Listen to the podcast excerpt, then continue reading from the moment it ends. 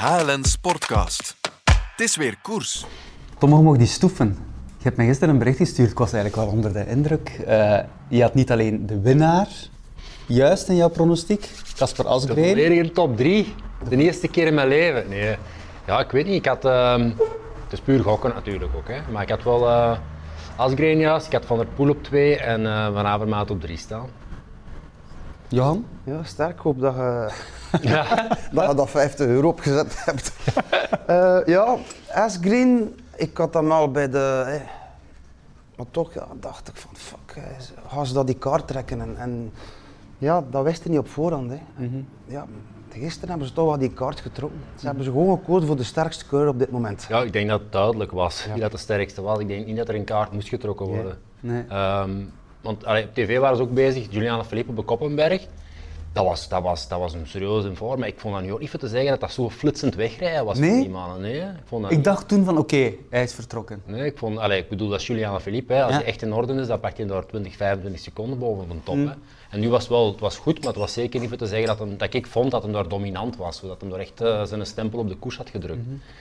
En ook, ja, je moet denken, daarachter, zolang als dat, dan niet echt eh, ontploft, ontploft, dan blijft het ook allemaal bij elkaar. En je zag toch ook wel dat er nog veel grote groepen samen Mhm. waren daarachter. Dus het was niet dat daar omhoog gevlogen is. We hebben het eh, zo meteen over Casper daarentegen? De Taaienberg, ja, die kent jij ook. Hè. De, we hebben het zo meteen over eh, Casper Asgreen. We videocallen met eh, Tom Steels, die in het oortje zat van Casper Asgreen. Dus ik ben wel benieuwd hoe hij dat heeft beleefd van eh, de volgwagen. Maar hoe heb jij de koers gevolgd? Ik heb thuis gevolgd, omdat eh, ja, het, kan kan niet anders ook. Nu.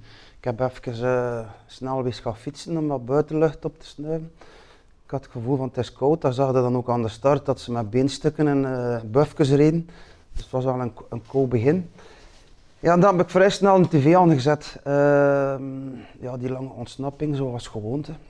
En dan zit eigenlijk wel hè, al een beetje te bewegen. Wanneer komt die finale los? Hè? Maar toch niet een beetje hartpijn als je ziet dat die Ronde van Vlaanderen daar... Ik weet het, het is de tweede keer, we zijn het ondertussen gewoon, dat beeld van eh naderhekkers zonder supporters. Maar word je dat gewoon toch niet een beetje hartzeer als je denkt aan bijvoorbeeld jouw laatste Ronde van eh, dat- Ik Vlaanderen? kan me dat niet voorstellen. Ik zou me dat niet kunnen voorstellen dat je de Ronde van Vlaanderen moet rijden zonder publiek. Mhm. Ik denk ook al, vorig jaar zeker, dacht ik dat dat echt wel een invloed ging hebben op het koersverloop. Dat er toch wel wat, ik weet dat niet, lakser ging gekoerst worden, omdat je toch minder gedreven wordt en minder opgejaagd wordt. Helpt dat echt? Maar ik denk het niet nu, na twee edities, er wordt toch keihard gereden. En, eh, ik moet wel zeggen, de, de, de echte finale kwam, kwam rijkelijk laat, vond ik. Ja. Dus het is het is lang, lang samengebleven met veel volk. Eh, er was niet veel wind, dus ja, dat kan er ook wel mee te maken hebben. Maar toch denk ik dat er, eh, dat er toch ook veel schrik was onderling zo, om, om eerst te doen, om, om te beginnen. Mhm. Dus eh, dat had er ook wel mee te maken, denk ik. Maar koersen zonder publiek, ja, het is niet hetzelfde. Hè. Het is echt niet hetzelfde. Denk maar aan die uh, Vikingklep, hè. toen jij Ja. afscheid nam, jouw laatste Ronde van Vlaanderen. Ja, die renners maken dat nu niet mee. Hè. Nee, de beleving is helemaal anders. hè. Je gaat koersen en dat is dan ook. Ja. Ja. Maar ja, koersen is ook, het blijft sport en vertier. Dus ehm, koerst niet voor niemand, niet. je koerst eigenlijk voor een publiek. Ja. Je koerst natuurlijk als renner wel om je, je eigen prestaties en, eh je jezelf. palmares op te poetsen of op te vullen. Maar ik denk toch dat het niet, ehm, allee, je kunt het niet vergelijken. Het is niet, het is niet de bedoeling om te koersen zonder publiek. Mhm. Dus we, we kunnen alleen maar hopen dat het heel snel allemaal terug normaal kan verlopen. Jouw museum, wie is de grote winnaar van het weekend? Casper Asgreen of Patrick Lefevre? Eh, ik doe het dan alweer. Hè. Ehm,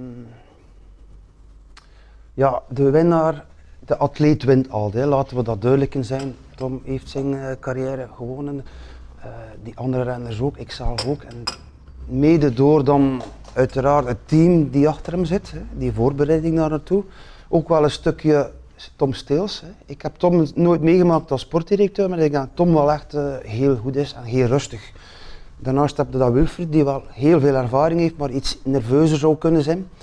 En dat Tom wel op die momenten heel kalm blijft en ook die kaart onmiddellijk zet van kijk, we gaan nu onmiddellijk schakelen naar S-Green.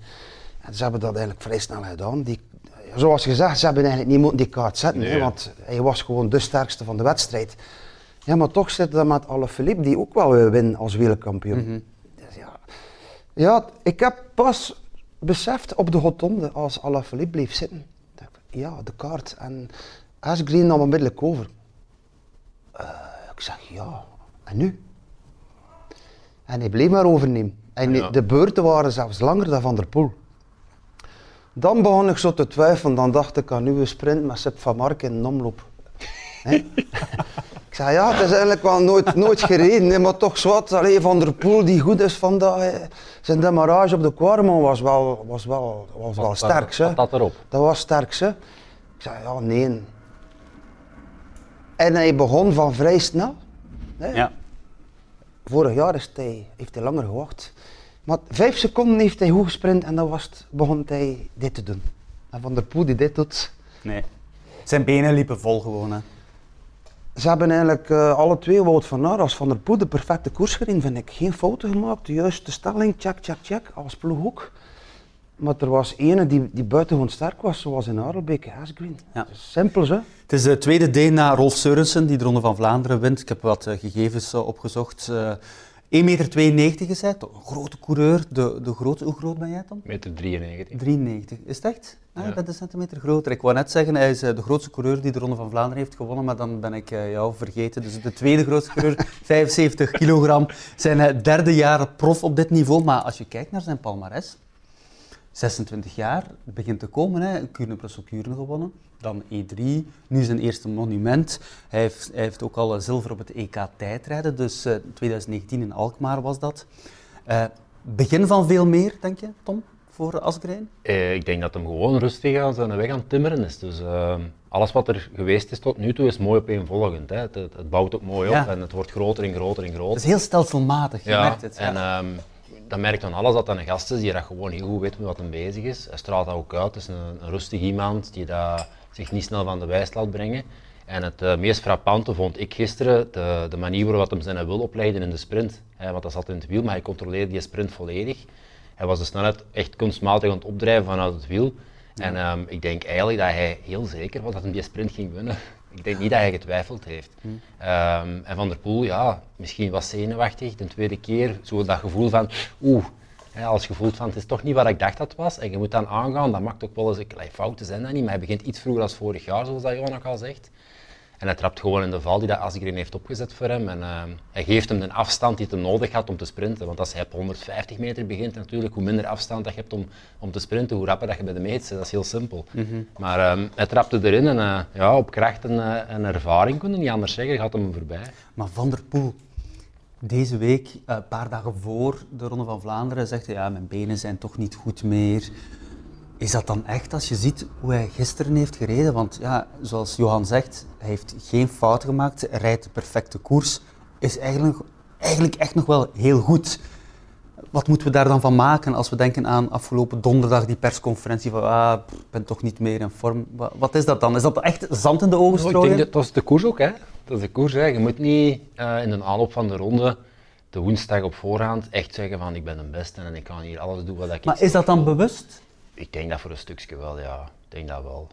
Toneeltje spelen, Toneel toneeltje. nu, maar zo ja, de, de omstandigheden wat creëren. Zo, van. Je weet ook van, ehm, dat je daar echt diep in de finale misschien niet op de allersterkste ploeg kunt rekenen. Alhoewel ik er echt wel nogmaals van in onder de indruk was. Ook van Gianni Vermeers trouwens nogmaals.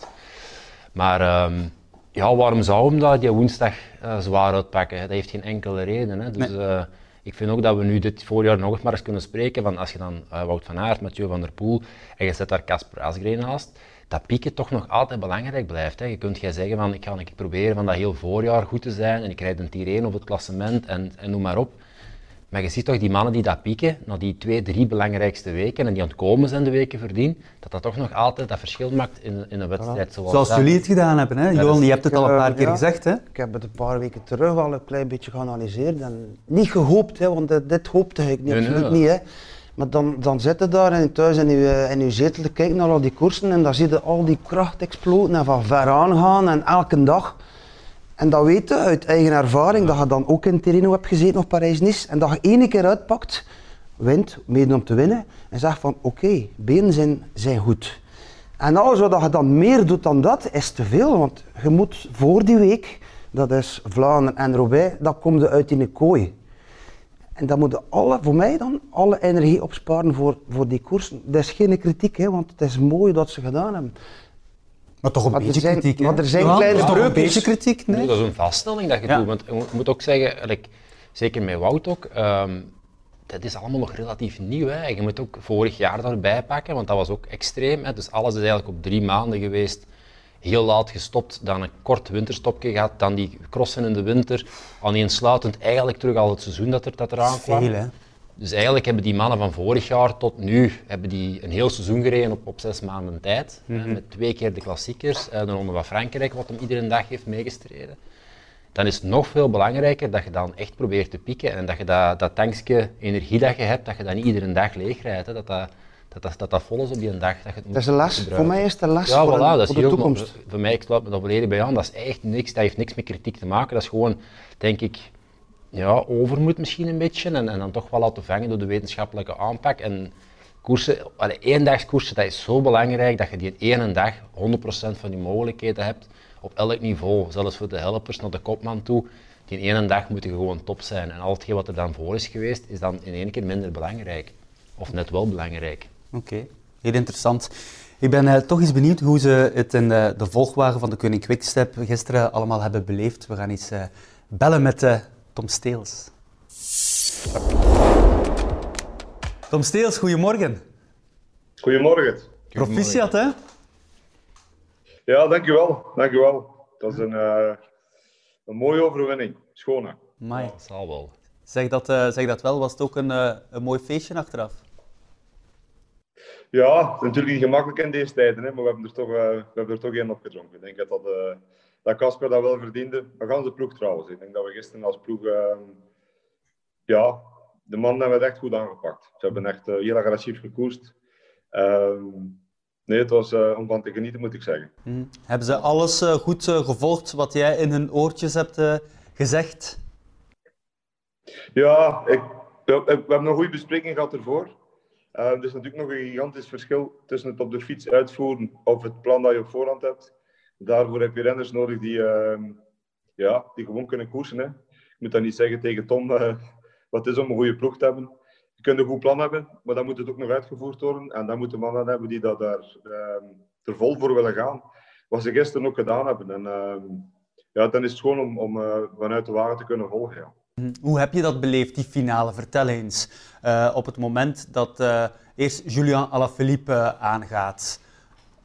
Was dat het plan om eigenlijk eerst de kaart Alaphilippe te spelen? Of was dat al met het vervolg in het achterhoofd van oké, we gaan eh, Julian Alaphilippe eigenlijk eh, de boel laten uitdunnen om dan eigenlijk de kaart Askreen te trekken? Wat, wat was het plan? Nee, het, het, plan was gewoon van niet in de verdediging te geraken. Ik denk dat wij een ploeg zijn die, eh, die heel offensief moet koersen. Ehm, want van zodra dat we in de verdediging zitten, weten we ook dat we, dat we direct moeten eh, één of twee man opofferen om een kloof te gaan dichten. En dat hebben we toch wel vermeden. Ehm, cruciaal was een beetje de Molenberg. Vooral omdat je weet ook dat daar altijd een hard, hard gevecht naartoe gaat. Maar ook daarna het peloton toch iets, kan, ehm, eh, iets meer gerokken wordt of iets meer campagne gedaan worden. Eh, maar ik moet zeggen, gisteren stond er ook niet zo heel veel wind. Dus er kwam dat telkens weer terug. Wat we wel gezegd tijdens de meeting, van kijk, we gaan waarschijnlijk 500 keer, ehm 500 keer mensen gaan terugkomen en terugkomen en terugkomen. Blijf niet hangen in, eh, in een moment dat ze terugkomen, maar kijk dan naar het volgende punt. En dan het volgende punt was Berg ten Alte. Ehm, wat ook geen makkelijke helling is, ook voor er naartoe te rijden, toch altijd wel weer stress. Maar keer op keer toen, eh, was Bert mee, was Ballerini mee. En dan, dan maakt dat je wel, ehm, dat de koers wel op gang blijft, wat ook wel nodig was met, met een kopgroep met 11 minuten. Ehm, en uiteindelijk komt toch de sterkste naar boven. Ja. Mhm. Maar het, het echt plan om, om Alaphilippe of Casper of, of Florian, of, het belangrijkste was dat we altijd iemand mee hebben.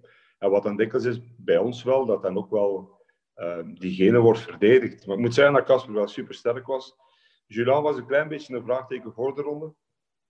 Ehm, hij heeft goed gereden, was misschien niet super.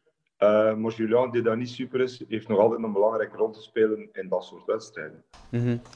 Op een bepaald moment, helemaal op het einde, echt een volle finale. Wout van Aert is er ook af. Is er dat duo, Mathieu van der Poel, Casper Asgreen. Wat gebeurt er dan? Wat zeg jij dan in het oortje van Casper? Ja, ten eerste, we dat samen met, met Wilfried Peter, samen in de auto. Wat zeg je dan? Ehm, ja, dat, we, we, we weten ook dat Casper niet echt traag is. Ehm, die gaat geen massaspurten winnen. Maar na een wedstrijd van 250, en zeker na zo'n lastige wedstrijd, waar dat ook Van der Poel al een paar keer echt gegaan was, dat er toch wel wat de snelheid afbot. Ehm, en dat Casper wel een kans maakte. En dan is het gewoon de sterkste die, die wint. Ehm, ik denk dat Tom genoeg weet wat het is om, om na 250 kilometer nog te sprinten. Het is niet altijd de snelste die, die, die dat dan wint.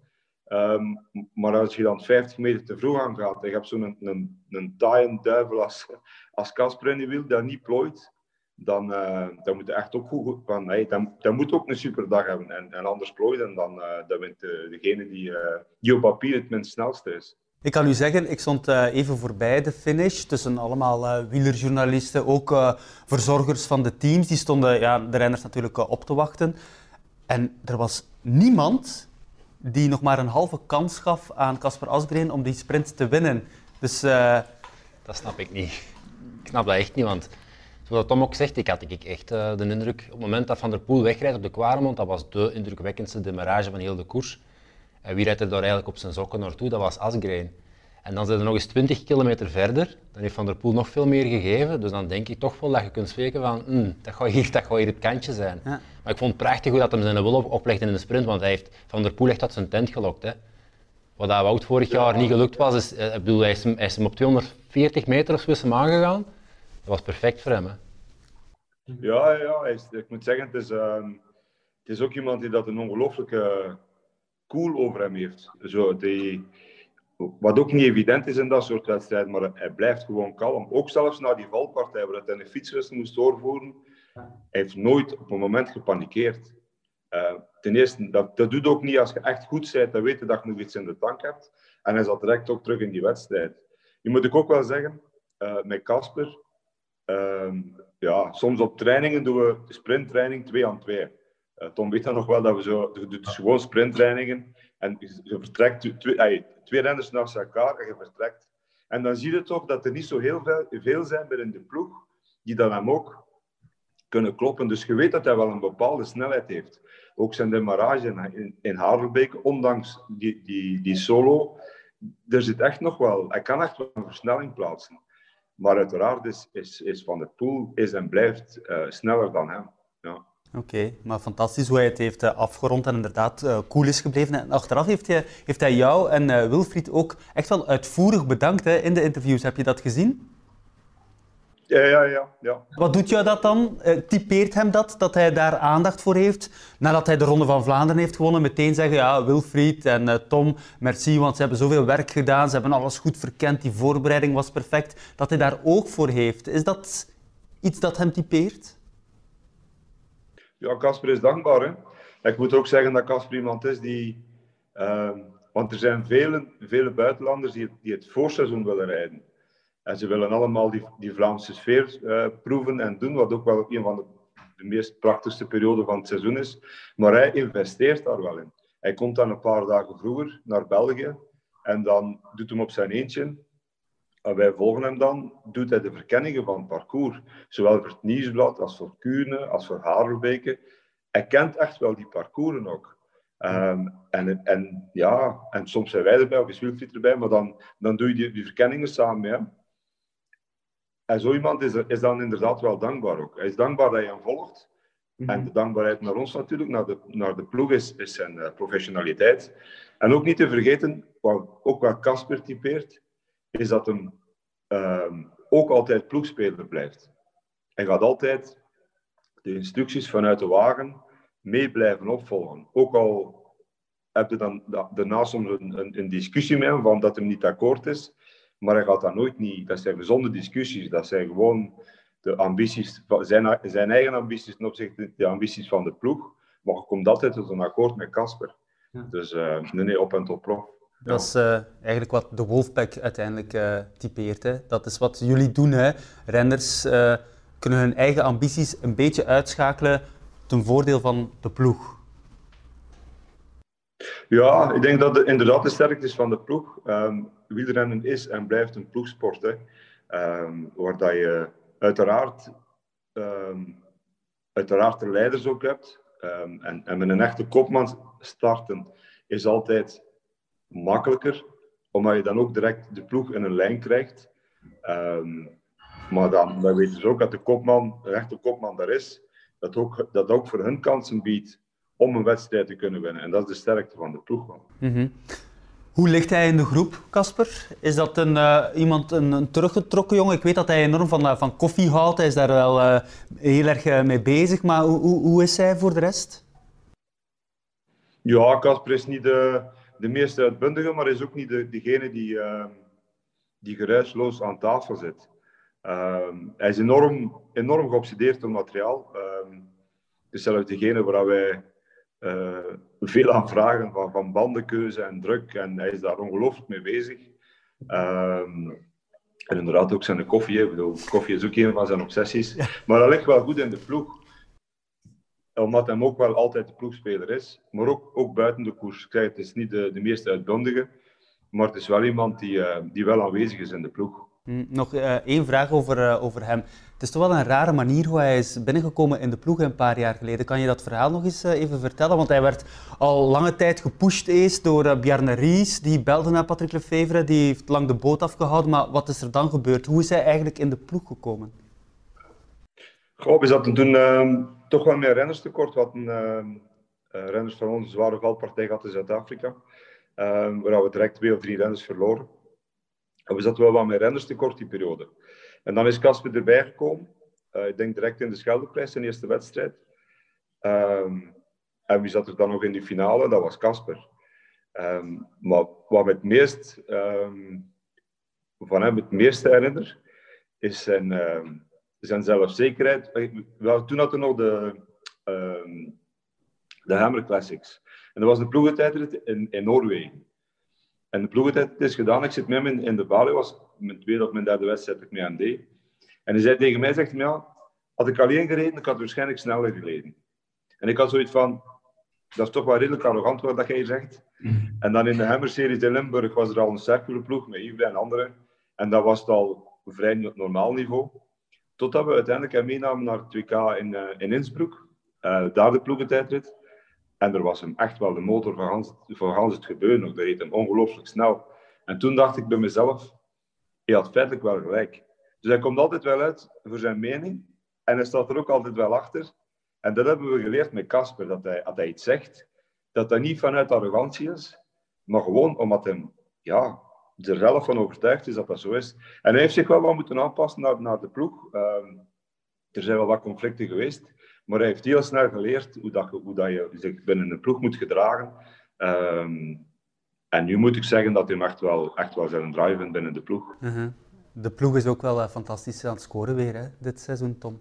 Ja, ze staan er weer. Hè. Het is, uh, het is een, een verderzetting van, uh, van altijd eigenlijk. Dus je kunt niet zeggen... ze hebben ergens een, een, recept waar dat de mayonaise precies altijd pakt. Je steekt er individuen in en die komen er als wolfpack mannen terug uit. En het marcheert precies altijd. Dus ergens zal er toch een geheim, geheim formule zijn. Is dat Tom Steels, die geheime formule? formule? Dat heeft er toch veel mee te maken. Uh -huh. Nee, maar het is ergens een talent van, van Patrick om de juiste mensen bij elkaar te zetten. En de juiste mensen zitten er nu al heel lang. Dus dat, dat wil ook zeggen dat er een vaste basis is. Waarin dat die jonge renners die dat dan echt zelf eigenlijk vragen de partij zijn om daar willen gaan te rijden. Dus die zijn ook al super gemotiveerd als ze daartoe komen, want dat is echt, die willen dat graag. Uh -huh. um, dus dat heb je dan al mee. En dan, ja, als je dat kunt omkaderen, dan uh, heb je een succesformule in handen. Hè. Ja. Wordt je dat gewoon, Tom? Altijd maar winnen?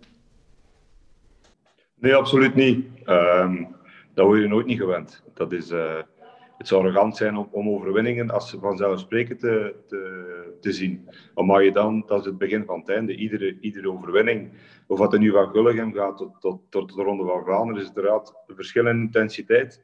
Maar het winnen, de drang om te winnen, dat heeft altijd in de ploeg gezeten. Uh, moest Tom morgen in de ploeg binnenkomen, die ploeg is nog nooit niet veranderd. Ja. En zoals Tom ook zegt, het gaat niet alleen over renners, maar het gaat ook om gans die omkadering. Die omkadering wil ook winnen, die, die mechaniekers, die verzorgers. Het is gewoon een, een drive die in de ploeg zit. Uh, dat maakt dat iedereen in zijn stukje van, van de puzzel zijn uiterste best doet om die rennersgroep bijeen te kunnen houden. En die rennersgroep zelf ook, dat, is ook wel wat, dat regelt ook wel van zichzelf. Je moet daar ook niet te veel van een toren blazen of je wordt er direct door twee anderen teruggefloten. En dat is wel de sterkte van de ploeg toch wel. Mm -hmm. Is het begin van uh, nog veel meer voor Casper Asgreen? Ik zou, het zelfs, ik zou zeggen, moest het hetzelfde zijn, dan is hij heel goed bezig ieder jaar. Hè. Uh, ik denk dat Casper sowieso de klassiekers, hij, heeft bewezen dat hij ze allemaal wel aan kan. Uh, het volgende doel kan waarschijnlijk ook wel een, zal er ook bij zijn, veronderstel ik. Maar niet alleen dat, maar ook, ook uh, kleine rittenkoers. Hij heeft ook een hele sterke tijdrit. Um, ja, het is gewoon een, een, heel complete renner die zichzelf ieder jaar wel voor nieuwe uitdagingen, uh, die zich ieder jaar nieuwe uitdagingen stelt ook. Oké, fantastisch. Nu een beetje rusten voor jou, een paar dagen rust, of hoe zit dat? Wat, wat doe jij nu? Uh, ik ga straks nog de Scheldeprijs verkennen. Um, ook dat nog. Maar dat ook een wedstrijd is die dat toch altijd vol verrassingen zit. Uh, zeker nu we terug in Nederland starten. En dan is het inderdaad wel een periode rust en dan is het een opbouw naar de Tour. Oké. Merci dat ik jou even kon bellen, Tom Steels. Geniet nog van uh, de overwinning van Casper Asgreen in de Ronde van Vlaanderen. Salut hè. Salut, ik een proficiat nog. Salut Tom. Yo.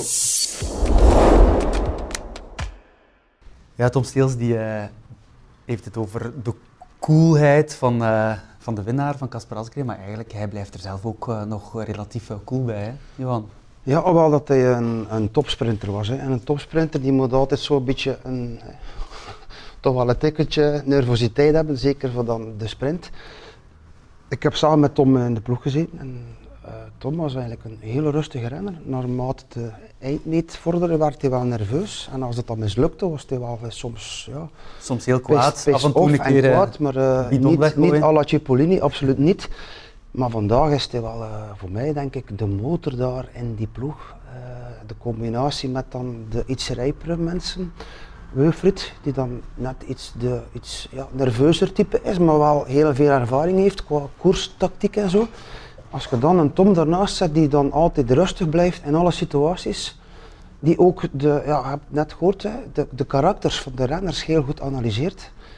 Ja, als ik zo die man nu bezig hoort, ik heb hem als jong manneke bij ons komen fietsen en dan nu heeft hij enorm veel geleerd en is ook enorm op de hoogte van trainingsanalyses. Dus mm ja, zijn intelligentie draagt hij mee naar zijn carrière. Dus uh, ik denk dat dit een pion is die onmisbaar is in het team van Lefebvre. Okay. Absoluut.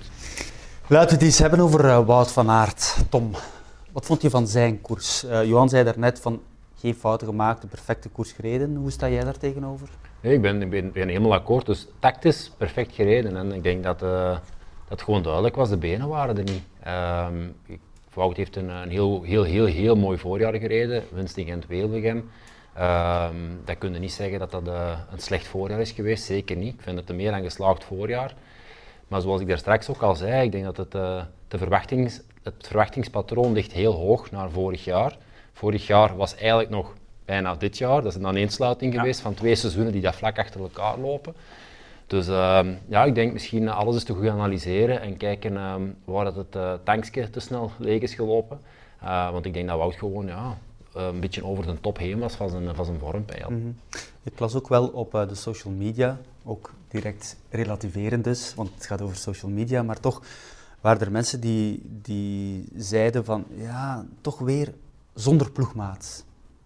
Ja, maar, ja, maar ik denk het moment dat het, uh, de ploeg weg was, de laatste keer, nee, de tweede keer Kwaremond, zaten ze allemaal nog vooraan. Zijn ze daar, uh, hebben ze een koep gepleegd aan de voet van de Kwaremond.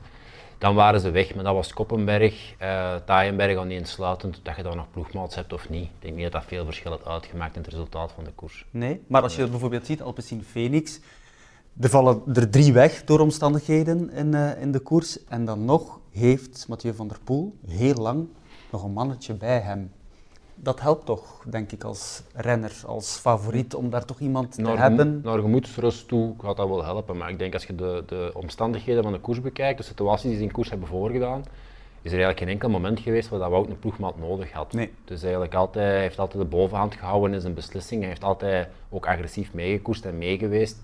Dus uh, allee, dan moet je ook, ja, je kunt conclusies trekken dat die ploeg inderdaad misschien niet goed genoeg was op dit moment, maar je kunt niet zeggen dat dat de, de wedstrijdresultaat beïnvloed heeft. Dat denk ik niet. Mm -hmm. um, wat er daarvoor gebeurd is, want vaak, je ziet ook niet alles, je ziet heel veel tegenwoordig, maar je ziet ook niet alles. Dat hem daar meer krachten door moeten verspillen heeft, dat kan zijn, maar dat, dat weten we niet. Mm -hmm. Heb je het uh, beeld gezien na de finish van uh, papa en mama van Aert die daar stonden, en Sarah en de baby? Uh, en En hij zit daar compleet uitgeteld aan dat naderhekken. Is dat wat je dan wilt op dat moment, dat die daar, dat die daar staan en zeggen van maar het is maar koers jongen, Eh, kijk maar een keer naar de voituur, kijk maar eens naar uw zoon. Dus dat, dat is allemaal, dat is, dat is, dat is heel schoon. En laat, eh, we gaan er eventjes naar kijken. Goed gereden, jongen. Kijk maar eens in de voituur. Kijk, daar zijn ze. Het is maar koers, hè. Is, is datgene dat je, dat je dan wilt als, eh, als coureur, dat die daar allemaal staan? Zou, zou jij dat niet vervelend hebben gevonden? Ehm, ja, dat, iedereen is verschillend, hè. Ik, ik weet dat niet. Ik, eh, als ik echt helemaal leeggepergerd naar, naar, naar een meet kwam en eh, ik had een koers verloren en ik had het gevoel gehad, want dat is ook verschillend. Hè. Soms verlies je omdat het je eigen schuld is of omdat Ja. je een fout gemaakt hebt. Soms verlies je gewoon omdat de tank leeg is. Bij mij, als de tank leeg was, ja, dat was die leeg. Hè. Dan kun je daar nog liggen over klagen en zagen, maar daar had ik eigenlijk altijd best wel vrede mee. Daar kunnen wij eigenlijk niet veel verwijten. Gewoon- ook, hè? Voilà, daarom ook. Je kunt daar niks van zeggen. Dat is, eh, dat is een natuurlijke gang van zaken. Ook, hè. Kunt jij exact hetzelfde kopiëren jaar op jaar, dat geeft niet altijd hetzelfde resultaat. En eh, iedereen heeft zijn eigen grens, hè. je moet die ontdekken. Als je die eigen grens niet ontdekt, dan kun je hem ook niet, kun je hem ook niet het dichtst mogelijk benaderen naar de volgende jaren toe. Dus dat is, dat is een leerproces dat, dat, zich- dat plaatsvindt. Dus ik denk in deze omstandigheden dat je, daar, dat je er inderdaad wel deugd van hebt en dat je er eigenlijk ook wel best ontspannen kunt zitten. Dat je moe bent en dat je zegt van, wat was dat hier allemaal vandaag? Het is niet gegaan zoals ik verwacht had, maar ik heb geen fouten gemaakt, maar het tankje was leeg. Oké, dan stopt het. Hè. Mhm. Maar die zelf, of die relativering meteen van eh, papa van Aert, op zich is het ook wel schoon, hè, want die mens die meent dat echt. Hè. Die zegt, oh, het is maar koers jongen, je hebt het goed gedaan. Kijk, eh, de volgende keer eh, anders en beter. Dat, dat is ook zo. Hè. Dat is ook het zo. is maar koers. hè. Het is maar koers, ja, ja inderdaad. Goed, ehm, ik wil het toch nog graag even hebben ook over eh, Greg van Avermaat. Die staat daar toch wel mee- weer op het podium, hè? Derde, het hoogst haalbare. Sterke koers toch van hem, hè? Heel sterke koers. Ehm, van Greg kunnen zeggen dat hem heel het jaar eigenlijk al goed is, echt goed is. Ehm, in Bessage en noem maar op. Overal vond ik dat je echt wel zo flitsen zag van, eh, van een hele goede of een sterke Greg van Avermaat. En dan ook in Harelbeke weer. En daarom had ik hem ook eigenlijk in een top 3 had gezet. Want dat is iemand die zo in deze finale, zeker nu ook weer, dat groepje daarachter, dan weet je, ergens gaat hij nog wel een mogelijkheid zien om ervan te profiteren of zelfs de sprint te winnen. Ehm, denk dat, we niet, allee, dat niemand had verwacht dat hij de koers mee ging domineren of zo. Dat was ook niet het geval. Maar een goede Greg van Avermaat, die zit er altijd in de top 5 en in het beste geval op het podium. Ja. Dus eh, nee, ik vond... Ja, het is, het is toch weer een vaststelling dat hem daar... ehm, dat dat toch wel een van zijn favoriete wedstrijden is. Ja. En eh, dat ze misschien ooit, hopelijk, een dag gaan winnen. Ja, hij zou dat wel verdienen, maar eh, elk jaar wordt dat moeilijker voor hem. Ja. En hij heeft inderdaad wel een, een heel goed voorjaar gereden, vind ik persoonlijk. Hij is niet meer zo, die flits heeft hij niet meer wat hij, wat hij kon. Hè. Zelf die wedstrijd naar zijn hand zetten. Ja. Maar los daarvan kan hij zeker nog de komende jaren, het zijn er niet zo heel veel niet meer, wel nog die koersen winnen. Jammer is Parijs-Roubaix nu, niet zondag. Ik denk dat hij nog meer kans maakt tegen Roubaix. Meer ervaring, eliminatie, eh, sterke coureur, grote motor, eh, afwachten, ervaring. Zo rijdt hij nu een beetje op zijn, op zijn ervaring. En hij laat die andere twee maar begaan. Dus eh, ja, het zou jammer zijn voor Greg als hij zijn carrière beëindigt dat Vlaanderen niet op zijn palmarès staat, vind ik persoonlijk. Omdat Ja. dat is echt een koers typeerd voor hem. Ja. En dat staat er vandaag nog niet op. Nee, maar het zal toch moeilijk worden, hè, Johan? Het gaat moeilijk worden, maar er zitten er daar veel, in dat elite groepje daarachter zitten zoveel. Hè. Sepp van Marken zat er ook weer, ja. Vijfde. wat ik niet had verwacht. Hè. Nee. Want de voorgaande wedstrijden was het eigenlijk nergens. En daar zit hij telkens maar, je ziet hem hè. Je zit telkens mee, eigenlijk mee te vroeten in die, in die groep van ja, die renners die meedoen in dat achtervolgend groepje. Dus ik heb daar wel een, een, respect en bewondering voor, voor Sepp van zijn... ja, Maar toch nog even terugkomen op Van Avermaat. Je zegt, ik, vind het, ik zou het jammer vinden als hij zijn carrière beëindigt zonder de Ronde van Vlaanderen te winnen. Ja, je weet, dat de kans is klein dat hij dat nog gaat, eh, dat hij dat nog gaat winnen. Die heeft toch al zonder de Ronde Ja. van Vlaanderen ook al een fantastisch mooi Juist. palmares. Maar dat, het Dat is, is toch- het beseft pas na de carrière wat het verschil is van een tweede en een derde plaats naar een eerste plaats. Ja. En de tweede en de derde is heel mooi vandaag. En vandaag zagen we fantastisch gereden van Greg. hè. Maar die derde plaats telt eigenlijk niet mee hoor. Nee. Het is één plaats die telt en dat is de overwinning. En de rest, leuk, maar erna is er één plaats die telt. Daar in het midden van dat podium zo, hier. Niet hier en niet, en niet daar. Hier, daar. Alle- In de nachtswedstrijden telt alleen winnen. Alleen Dat is winnen. waar. Eh, er zijn drie renners die eigenlijk geen kans kregen om uit te winnen, want ze zijn uit de wedstrijd gezet. Eh, om twee verschillende redenen. Eh, Otto Vergaarde en Fedorov van Astana die zijn al vroeg uit die wedstrijd gezet, omdat er wat geduwd werd. Die renner van Astana was in de rem gegaan, bracht anderen in gevaar, Otto Vergaarde. En dan is toch wel, zijn er wel wat schermutselingen geweest. Wat vind je van die beslissing, Tom? Eh, dat was vol in beeld en uh, hetgeen wat ik zeg was dat wel redelijk terecht. Maar eh, ja, ik, had, ik zou het ook graag eens voor Michael Scheir hebben. Want Ja, maar we gaan het er zo, met- zo meteen over hebben. Maar ik wil eerst even die nervositeit in het begin van die dat, wedstrijd. was, eh, dat was los overdreven ook. Allee, ik bedoel, zelfs al gaat iemand in de remmen voor u, dan gaat hij er nog geen kwak geven, volledig vooraan in het peloton. Ja. Allee, die jongen is nu recht gebleven, maar voor hetzelfde geld ligt er 40 man op de grond. Hè.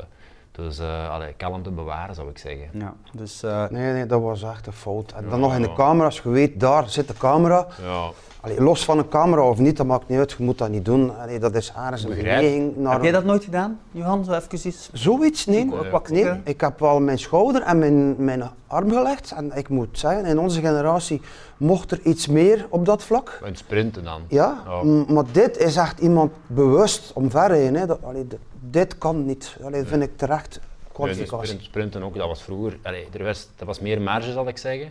Maar dan nog, ik ben ook nooit nee, een vuile sprinter geweest. Maar ik had wel vaak te maken met, allee, geen vuile sprinters, maar kleinere mannen. Een Ja. Frère, een McEwen, noem maar op. Een Cavendish. Het probleem is, die zitten heel vaak onder met de sprinten. hè. Dus als die komen hangen, dan hangt het er al redelijk snel op.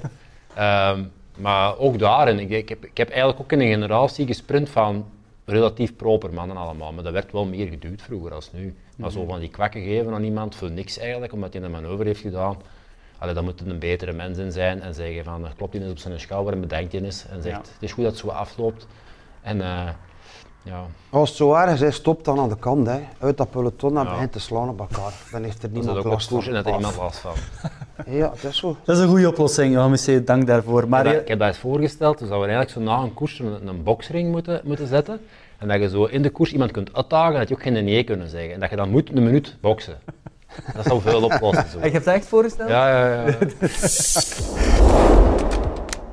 Oké, maar jij wil het, eh, wil het hebben over eh eh Cher, hè? Die werd tijdens eh, de ronde uit de koers gezet nadat hij een bidon richting enkele toeschouwers heeft gegooid. Maar dat mag niet volgens de nieuwe regels van de UCI. Die zijn ingegaan op 1 april. Wat vind je daarvan, Tom? Ja, het was 1 april, maar het was, het was niet echt 1 april. Ik vind het eh ronduit belachelijk. Het, is, eh, het toont nog maar eens aan hoe ver dat die mensen van eh, de geest van de sport staan. Ehm, als je op dat moment de letter van het reglement gaat respecteren, een reglement dat ja, geschreven is door ik weet niet wie. Ik snap wel dat er niet meer kan met vuil en bidons en, en, en papiertjes rondgesmeten worden, maar dat wordt ook al heel lang niet meer gedaan. En mensen die een bidon weggooien, 99,9% van de tijd gebeurt dat altijd waar er volk staat en die worden opgeraapt. Dat is ook een beetje de, de geest van de koers. Vroeger werd er in de vergadering voor de Ronde van Frankrijk altijd gezegd een bidon weggooien naar een kind is een, sporter, een supporter voor het leven. Dat was, dat was de, de openingszin van, van de vergadering. Echt? Ja, dat was de opening. Dus als je een bidon weggooit, jongens, gooi het aan het publiek en zo maakt de supporters. En oké, nu mag dat dus niet meer, wat ik misschien nog lang, langs de kant kan begrijpen. Maar als er volk staat, die rapen die een toch op. En die, die jongen zit daar eigenlijk te kloten. Die heeft een miserie met zijn fiets, we weten niet juist wat, iets met zijn voordeeljaar of zo. Die gooit zijn bidon weg naar, naar een paar mensen en dan zet hij ze nog eens het koers ook. Dat, dat tart gewoon alle verbeelding. Die mensen denken volgens mij dat dat daar een toeristentocht is, waar dat er een reglementje voor geschreven is, dat die mensen daar voor een hobby komen meefietsen. Maar die gasten zijn er zes maanden mee bezig met die voorbereiding van die koers. Dat gaat dan al niet zoals dat je verwacht hebt. Dan zet je het koers voor zo'n bagatel. Dat kan er bij mij echt niet in. Ik vind dat de renners al tegen een opstand moeten komen trouwens. Dat gaan ze, je kent de wielersport. Hè. Nee, ik, ik vind dat we moeten oppassen dat we de charme, de eigenheid van de wielersport Ja. niet gaan, sorry dat ik het ga zeggen, verneuken. Hè. Dit is ja, een zakje waar bevorderingen zitten, een bidon. Mensen staan daar, nu kan dat niet langs Paco, maar die staan er echt klaar om te hopen dat er een renner dat wegwerkt. En die bidon mee naar huis te doen en zetten dat op de schouw. Ja. Van wie dat die ook is, dat maakt die uit. Hopelijk is het van een Sagan of van een Wout van Aert. Om daar iemand uit koers te zetten, ik ben voor een proper leven, nee, absoluut. En vroeger had, stak ik ook niks in de zak. Weg. Nu ga ik ook fietsen, dan steek ik het weg in de zak, omdat dat zo hoort en zo moet. Ik ben voor groen, maar iemand uit koers zetten voor een bidon die weggesmeten wordt, nog naar een toeschouwer. Dit zijn de charmes van de wielersport. Alsjeblieft, UCI, ook de houding op de fiets, dat is ook alweer zoiets. Waar gaan we naartoe? Wielersport moet vooral zijn eigenheid behouden en zijn charmes. En ook de supporter die er nu niet kan zijn langs het parcours, die moet genieten van die dingen. De geur van massage die voorbij gaat, die zakjes die rondvliegen, die bidons die rondvliegen. Kom aan. Eh, ik heb het soms moeilijk, maar ga ik ook ouder worden zeker? hè? Dat gaat probleem het is- zijn. Het is dat niet alleen. Nee, maar ze Ik willen krijg- natuurlijk... Ja, ik krijg nog regelmatig ehm, brieven van mensen, wat ik ooit met een bidon al gegooid heb in een koers. Echt? Ja, Nog om die bidon te laten tekenen, of dat ze die kunnen opsturen of mee mogen langskomen of zo. Regelmatig, toch een keer of vijf per jaar dat dat gebeurt. Zoveel bidons heb ik natuurlijk ook niet, niet weggegooid dat er honderd zijn. Maar ik ben er zeker van dat je dat ook al hebt meegemaakt. Dat er mensen na de koers, of, of jaren later, van ja, weet je nog, in die wedstrijd hebben ze een bidon weggesmeten. En soms is dat dan ook effectief dat je ergens een kleine ziet staan of zo, dat die dan in één keer, hè, dat die zes jaar waren, dat die nu twaalf zijn, dat ze het nu durven vragen of zo. Maar dat gebeurt dus echt en dat is ook een beetje de eigenheid van de koers, hè. dus het dichtbij zijn. Je hebt, je hebt, je hebt top, top, topatleten die passeren en toch heb je dat die, die banden, die feeling mee, dat je er deel van uitmaakt. Hè. De bidons die vliegen daar in het rond, je kunt die oprapen, je ziet die mannen passeren. Dat is dat is zo ver af van bijvoorbeeld voetbalsport, waar dat je er niet bij kunt. Dat geeft zo'n beetje die band met het publiek en ik vind dat zo spijtig dat ze dat nu allemaal weer proberen eh, in te perken. Het gaat natuurlijk over ecologie, je hebt het al gezegd, hè, maar hoe Ja, kunnen ze dat op een andere manier doen? Bijvoorbeeld de karavaan verkleinen of met de elektrische auto's rijden? Het kan, hè. Dat doen ze ook niet. Hè. Zou dat niet een betere oplossing zijn in plaats van te focussen op begrijp- bidons weggooien het niet verkeerd. Hè. in open natuur? Als die bidon had weggesmeten en er is er ergens een, een natuurpark met 24 hectare water, wat dat een zeldzame vogelsoort, dan gaan, ze dat ook, dan gaan ze dat ook niet doen. Maar als er volk staat, als er, als er 50 mannen in een bocht staan, je smijt die bidon los in dat publiek en die pakken die bidon mee, wat is het probleem dan? Ja. Dus ja, Dus- houding gaan we het zelfs niet over hebben, want dat vind ik de helemaal van de reflexen van een coureur, een bidon wegwerpen. Zelfs even een keer dat sturken zo houden. Dat zijn reflexen van een coureur. Hoe kun je dat afleren? Ik weet dat niet. Hè. Eh, dat is heel moeilijk. Als je dacht, en het moet ook proper blijven, laat Ja, dan achter de wedstrijd een caravan rijden om alles op te rapen. En ik garandeer u, je gaat weinig vinden. Ik ga weinig. Want mensen staan klaar om op te rapen en mee, met- mee naar huis. Je gaat Ja. echt weinig vinden. Ik zweer, als je tien bidons kan mee hebben in je vrachtwagen, hè, dat had veel zin. Dat is eh, Dat is ook die houding nog, hè. Ja. Dat, is ook, dat is ook zoiets, want dat wil ik ook nog even Ja, je wilt er wel een punt van maken, hè? zeg maar Tom. Laat maar komen. Oei. Nee, maar ehm, je praat over de, de top, het absolute topsegment van, eh, van de wielersport. Dus dat zijn de allerbeste renners van de wereld die dat met een fiets kunnen rijden en die daar eigenlijk hun talent, hun mogelijkheden zo goed mogelijk willen benutten. Dan ga je tegen een aantal mannen zeggen die dat iets misschien iets beter kunnen dan de rest hebben. Die kunnen misschien beter op die buis of beter bij stuurken liggen of zo. Dat is hetzelfde als dat je tegen Pedrosa gaat zeggen dat hij zijn knieën mag, mag zetten in de MotoGP. Dat die mannen allemaal mooi recht moeten blijven zitten. Allee, dat, is, dat, is een, dat is een deel van de koers. Hè. Dus er zijn mannen dat beter kunnen dan de rest. Dat is gewoon zo. Maar het is ook niet omdat in de MotoGP gereden wordt met de knie tegen de asfalt, dat die mannetjes met een mini-brommertje dat ze doen op straat. Hè. Dat is gewoon je praat over het top, topsegment en je geeft al die mensen ehm, een fiets waarvan dat je zegt, die moet zo zijn, wat dat doet nu zie. Je mocht je fiets al niet veranderen, dat is de kader, die moet zo zijn. Dat is uw positie, die mag ook niet te ver afwijken. En dan gaan ze nog zeggen dat je ermee moet rijden. Dat kan toch gewoon niet meer. Dat is geen, eh, ja, nogmaals, geen toeristentocht. Hè. Dat is het allerhoogste segment van de wielersport. Hè. Ja, Daar gelden gewoon aan de regels voor, als voor een wielertoerist of voor een nieuweling of een junior. ja. Maar ze moeien zich met de Vera, de lengte van eh, sokken, hoe hoog dat die moeten zijn, dat is ook al eh, is geweest in het verleden. Dus het gaat soms ver uit. Wat, eh, soms een beetje lachwekkend. Ik zou me eerder gaan bezighouden met eh, organiseren van koersen en veilig koersen en dat soort zaken. En Ja. nu ook vooral in een moeilijke periode, eh, doe iets voor de jeugd. Ja, Die voilà. jeugd, Dat vind ik ook verschrikkelijk. jeugd die staat daar nu en heeft een jaar getraind, vorig jaar al. Eh, sponsors hebben geïnvesteerd in die jeugd en die staan daar en die hebben geen enkele wedstrijd.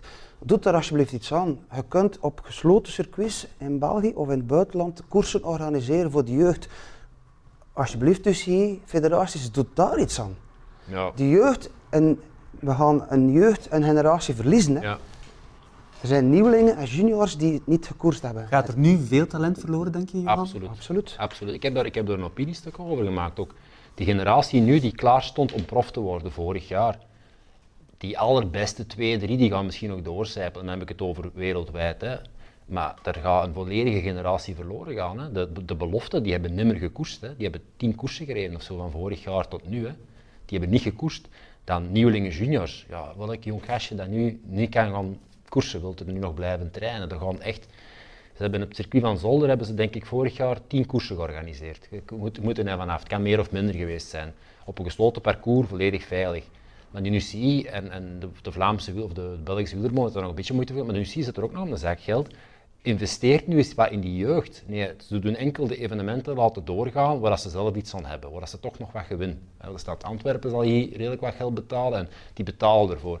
Maar hetgeen waar ze voor moeten gaan betalen, wat ze eigenlijk voor het leven zijn geroepen, om de ondersteuning van de wielersport, dat doen ze nu niks voor. Die, die jeugdwielrennen, dat, dat wordt volledig vergeten en dan gaan ze gewoon overstappen en naar de volgende generatie als, als alles terug kan doorgaan. Dus dat toont nog maar eens aan ja, dat het niet is zoals dat het moet zijn. Oké. Een koers die ook niet uh, zal uh, plaatsvinden, komende zondag is uh, Parijs-Roubaix. Spijtig toch? Hè? Ja, heel spijtig. Heel spijtig. Zeker, het lijkt erop dat het misschien nog wel eens een natte editie had kunnen zijn. Dus uh, die gaan we mee, weer missen. Um, en het is sowieso een mooi aaneensluitend na, Parijs, uh, na Ronde van Vlaanderen, die Parijs-Roubaix erop. Hij zal nog wel doorgaan dit jaar, maar toch vind ik het zo toch wel uh, echter als het allemaal op een week is. Mm -hmm. Ja, ik zat er toevallig nog in het weekend voor iets op te nemen. In Bos van Wallers. In Bos van Wallers en enkele kasseistroken. Ehm, ik moest er ook zijn. Ik had ook de nodige papieren om, om er te zijn. En dan zie je dat die wandelaars doorgaan door dat bos en, hè, en die zeggen dat, ja, hij zegt verkeerd, hè, want uh, het, wordt, het wordt niet gereden in Parijs-Roubaix. uh, en die mensen zelf vinden het jammer dat het niet kan. En mm -hmm. dan, dan denk je van 50 kilometer verder kan het wel, waarom zou het hier alsjeblieft niet kunnen? En het is jammer dat Parijs-Roubaix de week erna niet is, vind ik. De renners ja. zijn getraind, zijn voorbereid, zoals Asgreen nu juist gepikt zijn topvorm hè, en die kan Parijs-Roubaix nu niet rijden. Dat is wel jammer. Het wordt verlegd naar het najaar. Oké, okay, dan zijn er andere pikken en misschien andere renners die er komen aansluiten. Blijft voor mij, uh, het is moeilijk om te zeggen welke dat de mooiste is. Ik zou zelfs naar een Roubaix durven gaan. Voor mij Parijs-Roubaix. Mm -hmm. Maar we moeten heb Parijs-Roubaix altijd boven de Ronde van Vlaanderen gezet. Ja. En dat komt bij mij vooral doordat bij de belofte hadden wij dan uh, Parijs-Roubaix. En dat was eigenlijk mijn eerste groot resultaat. Ik was dan 18 jaar en ik was dat aan de zesde. Husoft won dat jaar, ja. Parijs Roubaix bij de belofte en ik was zesde. En dat was de eerste keer dat ik mijn neus aan het venster stak in een grote koers. En dan op die piste op dat gras van, wow, is hier juist allemaal gebeurd? Hè? En uh, ja, dan heb je daar zo'n klik mee van, dat was de eerste keer dat ik het gevoel had dat ik echt iets goed kon. Mm -hmm. Maar uh, hij wordt gereden op uh, 3 oktober Parijs-Roubaix, dus we hebben nog wel iets om naar uit te kijken. Nog heel veel eigenlijk dit jaar. Mannen, Merci voor jullie analyse en jullie mening. Ik hoop dat de UCI geluisterd heeft, hè, Johan. Dus, naar ons, naar ons luisteren. Naar ons social media luistert iedereen naartoe. Dus uh, dat heb ik nu ook ondertussen al geleerd. Het is, het is makkelijk, het is leuk, maar het is soms, soms wel gevaarlijk. Het is soms wel een keer een beweging om mensen te doen luisteren. Dus daarom uh, ja. ik vind dat, uh, dat wij dan, wij hangen niet af van een team op vandaag. Niet van een federatie, niet van nergens. En wij mogen onze eerlijke analyse Van een vrijheid doen wij. Alright, merci daarvoor. Heb je genoten van deze aflevering? Abonneer je op ons kanaal en beluister ook onze andere Highlands podcasts.